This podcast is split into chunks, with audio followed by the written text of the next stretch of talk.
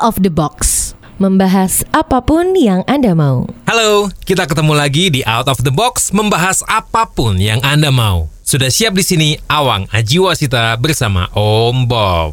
Oke, Om Bob, kita akan langsung mulai diskusi seputar masalah geger-geger, demo, boykot barang-barang dari Prancis, dan ini terkait juga sama statementnya dari Presiden Prancis itu sendiri. Sebenarnya yang terjadi apa ya, Bob? Ya itu kemarin itu kejadian itu kan uh, begitu mengejutkan ya.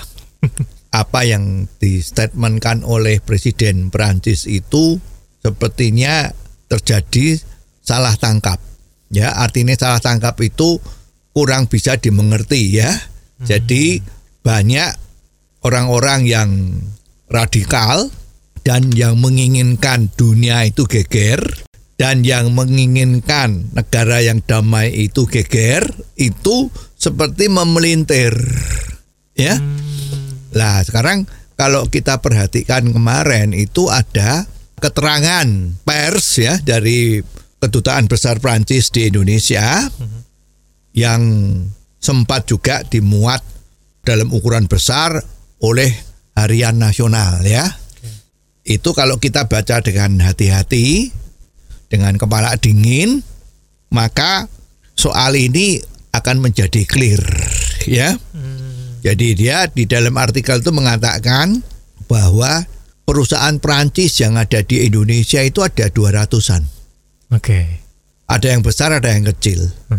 Lah Danu yang memproduksi minuman aqua itu termasuk yang besar ya dan perusahaan Danu di Indonesia ini ada 30 pabrik ya. Selama ini kita nggak tahu ya.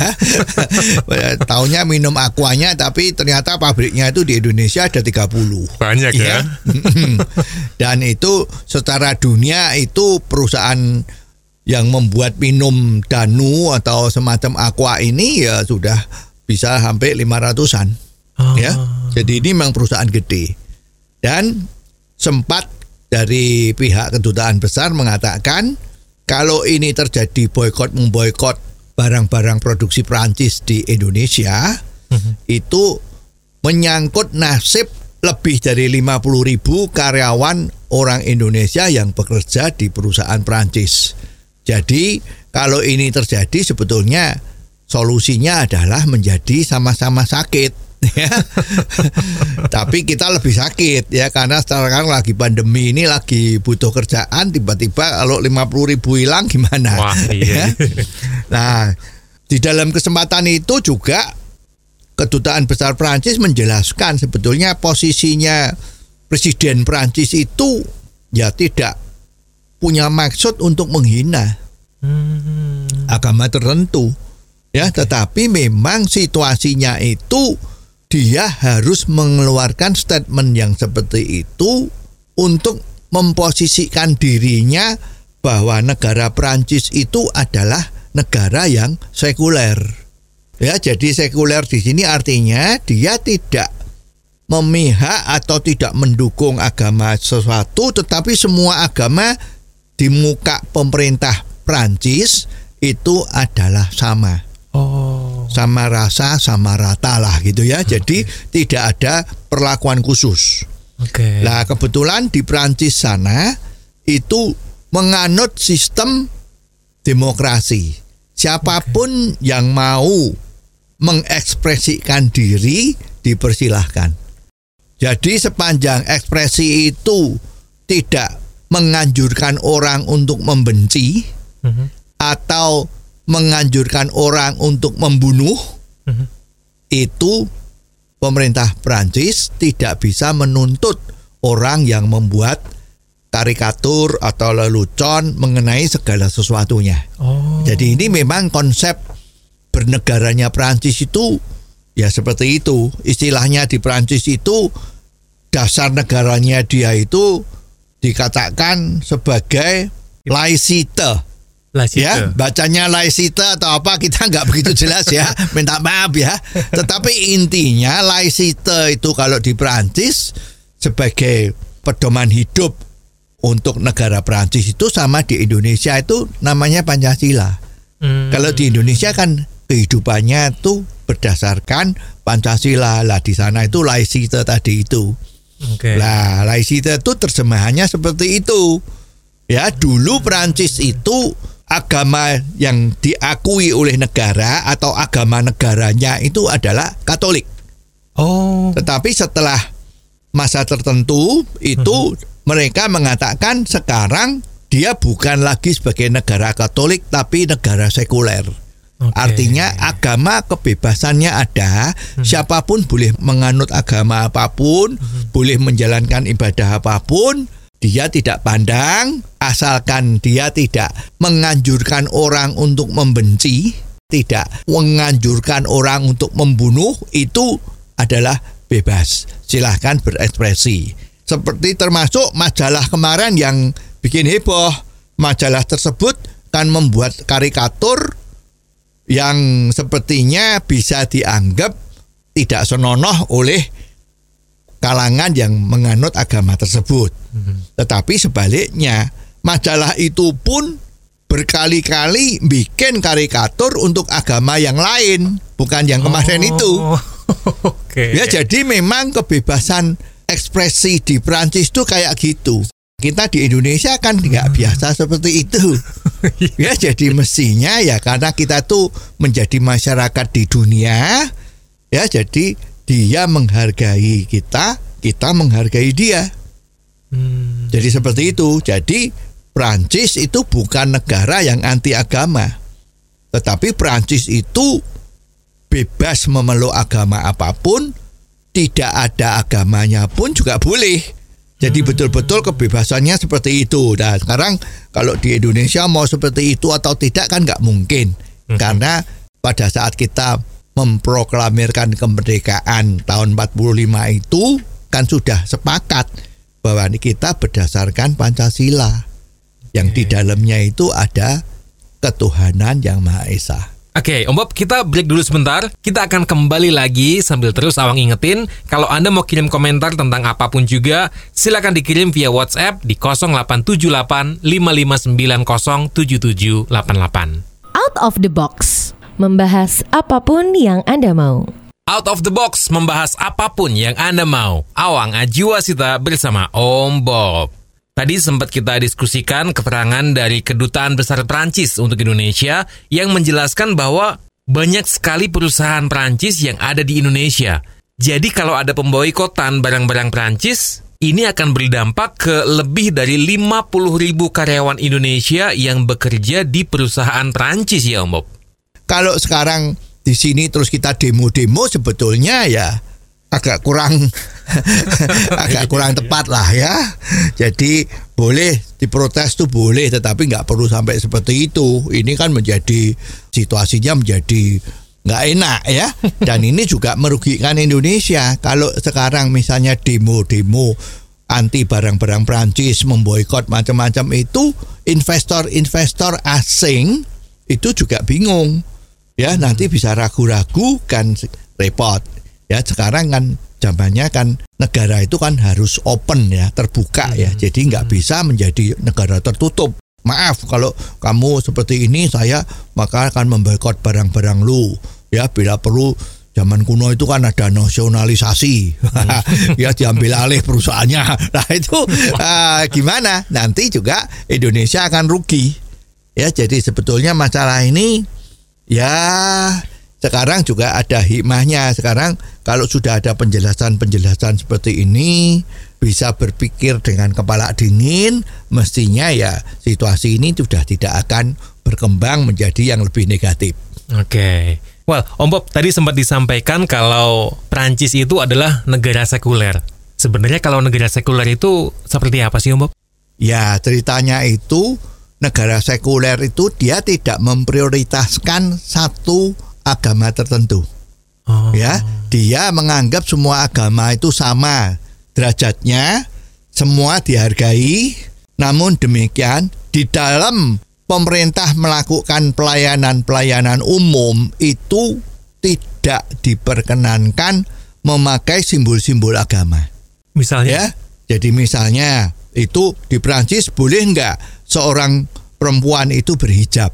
Boleh. Boleh. tidak Oke. dilarang ya. Oke. Tapi pegawai negeri di Prancis di dalam memberi pelayanan kepada masyarakat itu Mhm. dia tidak boleh berpakaian atau berhijab. Hmm, Jadi karena itu melambangkan agama tertentu. Oke. Demikian juga untuk agama misalnya agama Buddha, ya dia tidak boleh di dalam melayani masyarakatnya kalau dia pegawai negeri ya Oke. dengan atribut agama Buddhanya itu nggak boleh. Oh. Ya, jadi memang perlu dibedakan mana yang bersifat umum masyarakat, mana yang bersifat pribadi. Ya, jadi kalau kita melihat di Prancis itu modelnya seperti itu. Tidak ada fasilitas-fasilitas yang umum yang diladeni oleh pegawai negeri itu mereka terus berpakaian yang menunjukkan agamanya dia apa itu tidak bisa. Ya, ada aturannya emang nggak boleh. Kalau di Indonesia gimana, Om Bob? Ya di Indonesia itu kan negara kita berdasarkan ketuhanan yang Maha Esa kan. Betul. Berarti masyarakat di Indonesia itu bebas memeluk agamanya masing-masing. Hmm. Ya, tetapi yang diakui oleh negara itu kan cuma ada enam agama. Ya, yang lainnya masuk kepercayaan. Oke. Tetapi toh tetap boleh menjalankan ibadahnya kan. Hmm. Jadi ini pengejawantahan dari ketuhanan yang Maha Esa. Hmm. Ya, tetapi Indonesia juga tidak mengatakan kalau dia negaranya adalah negara agama kan. Hmm. Jadi sebetulnya Indonesia itu ada di tengah. Ah. Dikatakan sekuler, ya tidak seperti Prancis, tidak seperti Turki lah ya, seperti itu. Ya, tapi kalau dikatakan negara agama juga bukan. Oke. Karena semua agama di sini boleh. Ah, Ya, iya, jadi iya, iya. hukum-hukumnya juga bukan hukum agama. Ya, maka di sini di Indonesia kelihatan di dalam melayani fasilitas umum pegawai negeri itu juga ada yang berpakaian eh, model pakai hijab dan sebagainya. Mhm. Jadi di Indonesia itu ya sekuler tidak, agama juga tidak. Nah ini jalannya tengah lah ya. Jadi apa Indonesia itu ya Pancasila. Pancasila. Ya, jadi eh, semua agama dihargai benar, dikasih kebebasan betul untuk memeluk agar supaya ya kebinekaan di Indonesia itu kan seperti sekarang ini. Nah, kalau implementasinya dari kehidupan beragama di Indonesia gimana, Om Bob? Ya, dibandingkan dulu sekarang lebih baik. Oke. Walaupun di sana sini masih terdengar kalau orang mau mendirikan tempat ibadah itu agak eh, tidak selancar ya. Oke. Baik yang di daerah yang mayoritasnya agama A maupun di daerah yang mayoritasnya agama B itu kalau ada pembangunan atau mendirikan tempat-tempat ibadah yang masih bersifat minoritas itu kelihatannya kan agak masih belum begitu smooth, belum Oke. begitu mulus ya. Jadi mestinya ya ini tergantung nanti implementasinya gimana. Mestinya kalau memang mau dijalankan kebebasan beragama yang dijamin oleh undang-undang, mestinya ya hal-hal yang seperti ini ya tidak boleh ada lagi. Dan ini kan masalah ini muncul kan dulu karena ada keputusan bersama tiga menteri untuk mendirikan tempat ibadah itu harus mengacu keputusan bersama tadi itu. Nah ini kan keputusan bersama tiga menteri ini kan umurnya sudah ya sebetulnya sudah ketinggalan zaman ya itu kan tahun kurang lebih tahun 60-an atau awal 70 ya. Jadi ketentuan ini kan sudah 30 tahun mestinya ya perlu dimodifikasi dan mestinya kalau dinilai keberadaan surat keputusan bersama tiga menteri ini sudah tidak sesuai dengan zaman ya alangkah bagusnya kalau ini direvisi atau dicabut agar supaya suasana di dalam kerukunan beragama ini menjadi lebih akrab lagi. Itulah harapan kita bersama. Oke, Om Bob kita akan break dulu dan nanti kita akan kembali lagi sambil Awang terus tungguin komentar-komentar Anda tentang apa pun juga. Silakan dikirim via WhatsApp ke 0878 5590 7788. Out of the box. Membahas apa pun yang Anda mau. Anda masih mendengarkan Out of the Box membahas apa pun yang Anda mau. Awang Ajiwasita bersama Om Bob. Kita terus menunggu komentar-komentar Anda yang bisa Anda kirim via WhatsApp di 0878 5590 7788. Sekarang kita juga akan berdiskusi tentang sesuatu yang lagi rame juga bahwa Badan Legislatif DPR saat ini sedang menggodok draft rancangan undang-undang tentang larangan minuman beralkohol. Apalagi ancaman pidananya bisa sampai 10 tahun, dendanya bisa sampai 1 miliar gitu. Langsung kontroversial gitu. Ini ceritanya gimana Om Bob?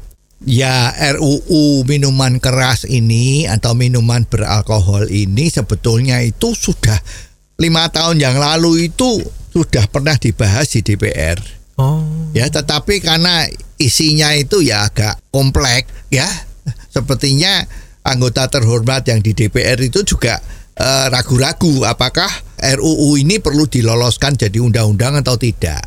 Ya, Oke. sehingga memang menjadi dibekukan ya artinya itu ya dibiarin dulu deh nggak usah dipermasalahkan nggak usah dibicarakan untuk jadikan UU ya tapi sekarang tiba-tiba muncul lagi muncul lagi itu yang mengusulkan kan dari pihak fraksi PPP dari fraksi PKS ya terus juga ada yang dari Gerindra dan masing-masing wakil dari partai ini di dalam fraksinya itu di dalam komisi itu mengusulkan agar ini dibicarakan lagi.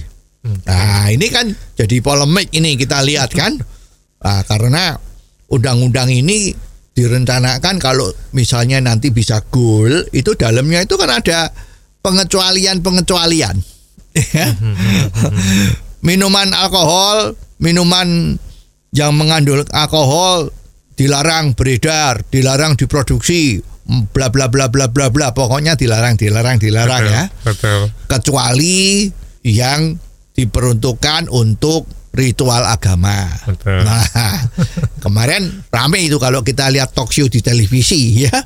Itu kebetulan eh, tokoh kita dari DPR yang perempuan ya, yang rupanya dia yang mengusulkan ya, itu ditanyain, "Ah, ini dasarnya apa pelarangan minuman alkohol yang ada di Indonesia ini ya katanya seluruh wilayah Indonesia tidak boleh gitu dasarnya apa sepertinya yang ditonjolkan dasarnya itu agama.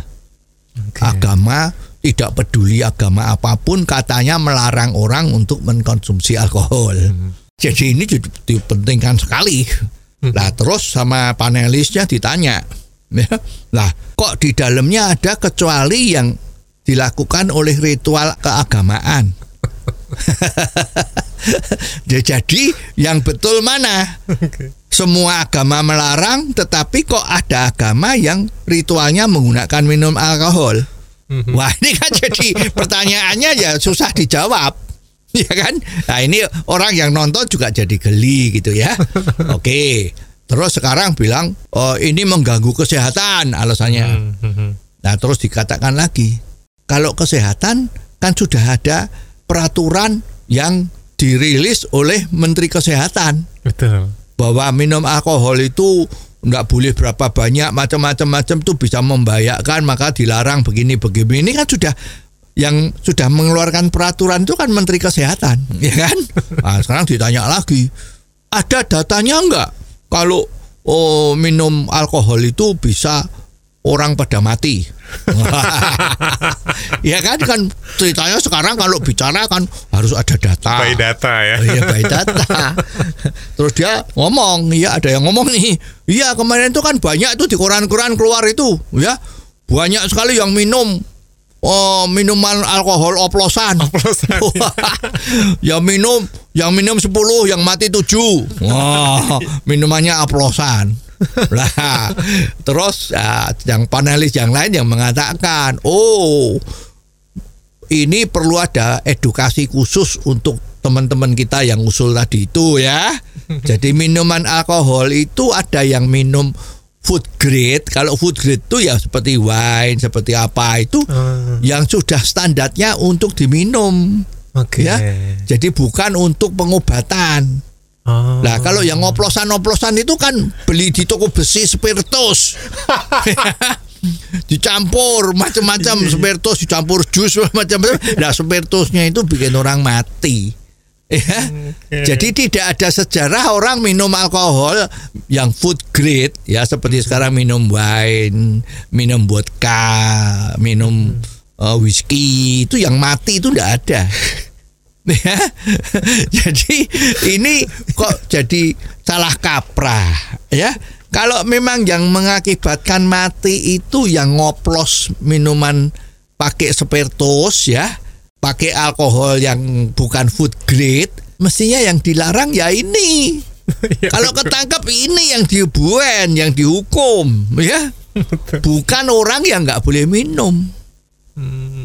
Nah, ini ini ini memang ada perlu satu pencerahan lah ya, jangan supaya kalau nanti yang bikin aturan itu tidak jelas dan tidak paham definisinya atau bahan-bahan yang menyebabkan orang meninggal, menyebabkan orang gimana gimana itu, nah akan susah nanti ya. Jangan sampai nanti terjadi asal mayoritas setuju. Nah, Iya iya iya iya. jangan sampai akal sehat itu kalah sama mayoritas.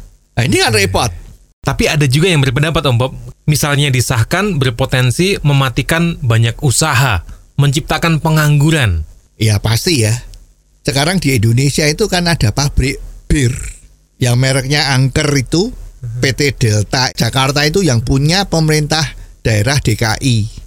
Ya, jadi pemerintah daerah Jakarta itu punya saham di pabrik bir, mendapatkan income yang cukup baik tiap tahunnya. Oke. Ya.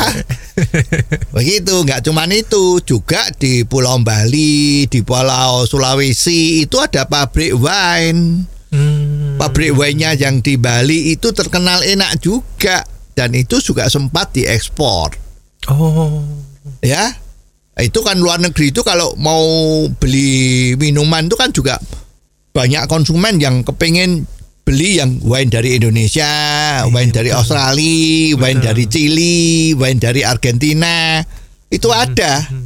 Ya juga mau beli itu minuman istilahnya di Indonesia itu kan ada minuman tua.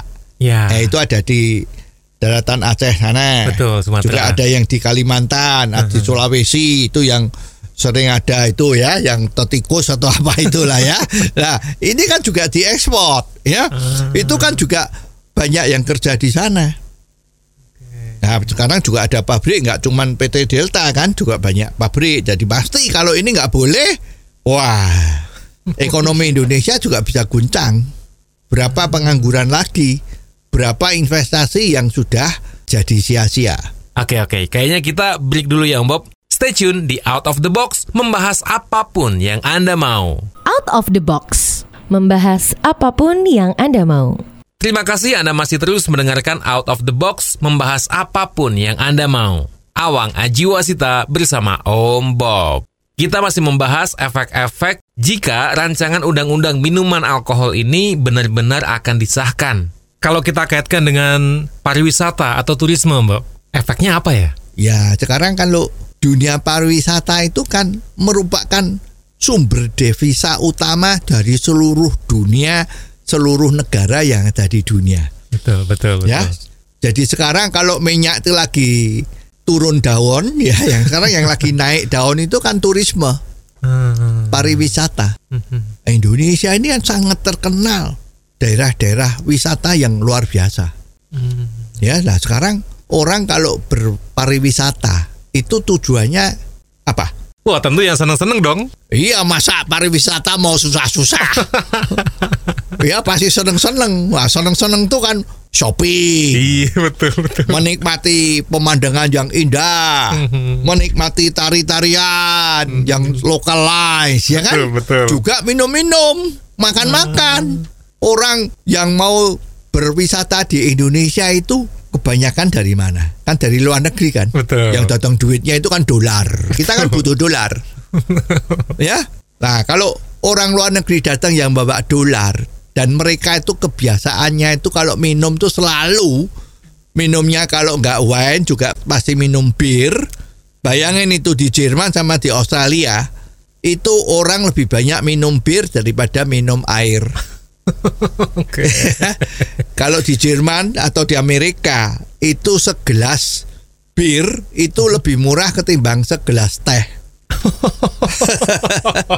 Tapi di Indonesia segelas bir harganya bisa 10 kali harganya teh. Betul. Ya kan? Nah jadi turis tuh datang ke sini maunya ya happy happy, minum bir, minum wine, ya, minum vodka, minum apa pun yang dia suka. Masa yang di sini suruh minum air segan terus? Orang asing kalau minum air segan mungkin loh ya perutnya bisa sakit kan? Kok Kaget biasa mungkin ya? Tapi ada kok air segan tuh yang dijadikan minuman keras tuh kalau nggak salah ada di Aceh ya. Itu juga ada minuman keras yang dibuat dari air kelapa muda ya. Oke. Nah sekarang kan ini semua itu menjadi sumber-sumber pemasukan Indonesia. Mhm. Nah kemarin juga waktu di televisi itu kan ada yang ditanyain.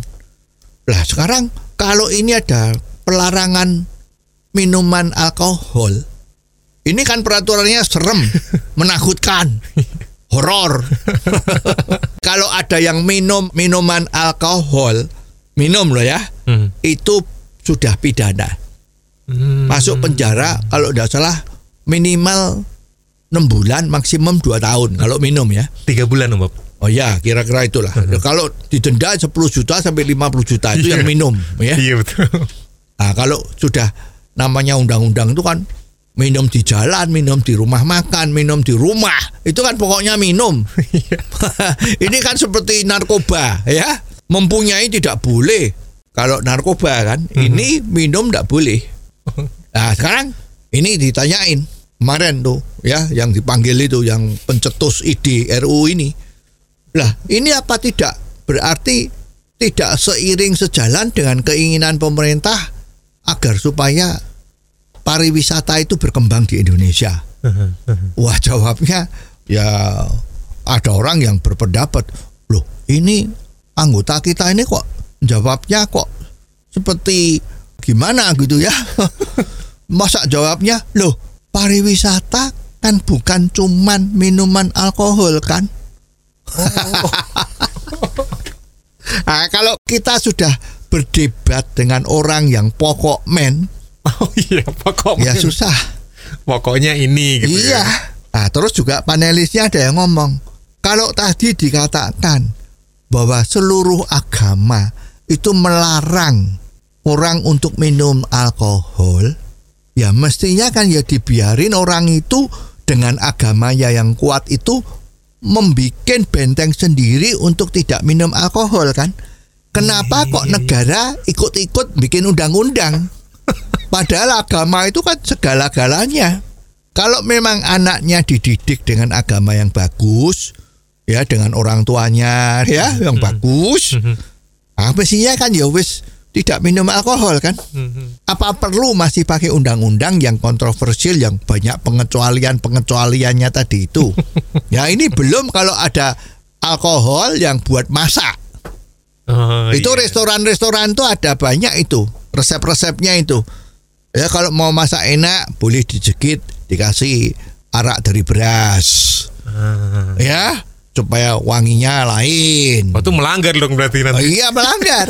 Masuk bui. Ya terus harus pakai arak yang warnanya semacam cokak-cokak itu. Ya itu juga ada alkoholnya. Nah itu gimana? Nggak boleh.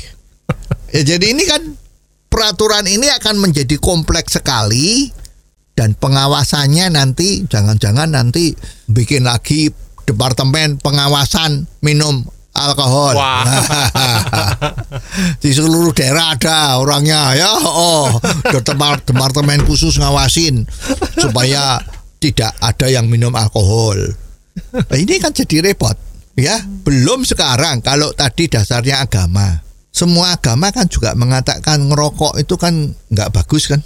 Lah berarti kalau nanti kalau orang yang minum alkohol itu protes gimana?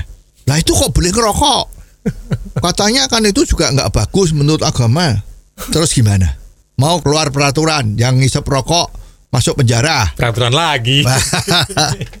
jadi mestinya kok sepertinya itu nggak ada urusan yang lebih penting Hah?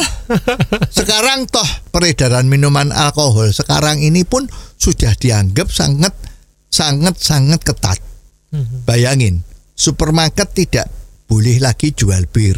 Oh iya, betul betul. Ya, rumah makan yang mau menjual minuman alkohol itu harus melalui seleksi yang demikian ketat. Hmm. Nggak tahu nanti kalau pakai omnibus law ya. yang terang tuh banyak orang yang ngurus izin minuman keras untuk minum di restorannya itu sampai setahun nggak keluar-keluar. Wow. Ya karena ya banyak hambatan itu oh, ini harus begini, harus begitu, harus begini, harus ditinjau, harus begini, harus begitu. Oke. Ya jadi ini sebetulnya cuman menambah masalah saja. Oke, dan jangan ke mana-mana kita akan break dulu Sambil terus awang ingatkan kalau Anda mau kirim komentar Anda tentang apa pun juga yang bisa kita bahas di sini Silakan langsung kirim via WhatsApp ke 0878 5590 7788 Out of the box. Membahas apa pun yang Anda mau. Kembali lagi di Out of the Box membahas apa pun yang Anda mau. Awang Ajiwasita bersama Om Bob. Masih kita bahas rancangan undang-undang minuman alkohol. Ketika ini misalnya disahkan Om Bob, kira-kira yang dirugikan lagi siapa ya? ya negara rugi. Kok bisa Om Bob? Itu minuman beralkohol itu cukainya tinggi. Oh, Pajaknya itu loh tinggi. Ya jadi kalau misalnya dianggap minuman alkohol itu selalu yang minum kan orang yang punya duit. Betul. Orang kan yang nggak punya duit mana mau minum minuman beralkohol yang mahal. Maka pajaknya tinggi. Oh, Ya kalau nggak salah pajaknya itu bisa 200 sampai 300 persen. wow. Jadi kalau di luar negeri itu misalnya satu botol whisky mereknya Hennessy. Ini kelas tinggi ya, Hennessy itu kelas tinggi ya. kalau di luar negeri itu harganya satu botol 3 juta. Nah kalau di Indonesia itu bisa harganya 9 juta. oh, Yang 6 juta ke mana? Masuk pemerintah. Ya Oke. jadi orang yang berani minum minuman alkohol itu pasti orang punya duit. Maka kalau orang punya duit harus nyumbang negara lebih banyak. Adil kan? iya, iya. Kamu butuh minuman, ya oke, boleh lah silahkan minum. Tetapi selalu kalau mau beli minuman di hotel bintang 5 atau hotel-hotel yang menyediakan minuman itu selalu juga diawasi kok. Umurnya harus 21 tahun ke atas. Ya, terus yang namanya drink progressively. Hmm. Kalau sudah dua sloki, bartendernya nggak mau jualin lagi, takut mabuk. Ah, Jadi iya. sebetulnya minuman keras yang beredar itu di Indonesia ini sudah sedemikian rupa aturannya dan value daripada yang jual itu juga sudah benar. Jadi sekarang itu sebetulnya aturannya sudah sangat ketat. Berbeda dengan negara Islam yang seperti Malaysia. Di sana aturannya tidak seketat di Indonesia. Jadi sebetulnya di sini sudah cukup ketat. Oh, Ya kalau sekarang ada undang-undang lagi, waduh.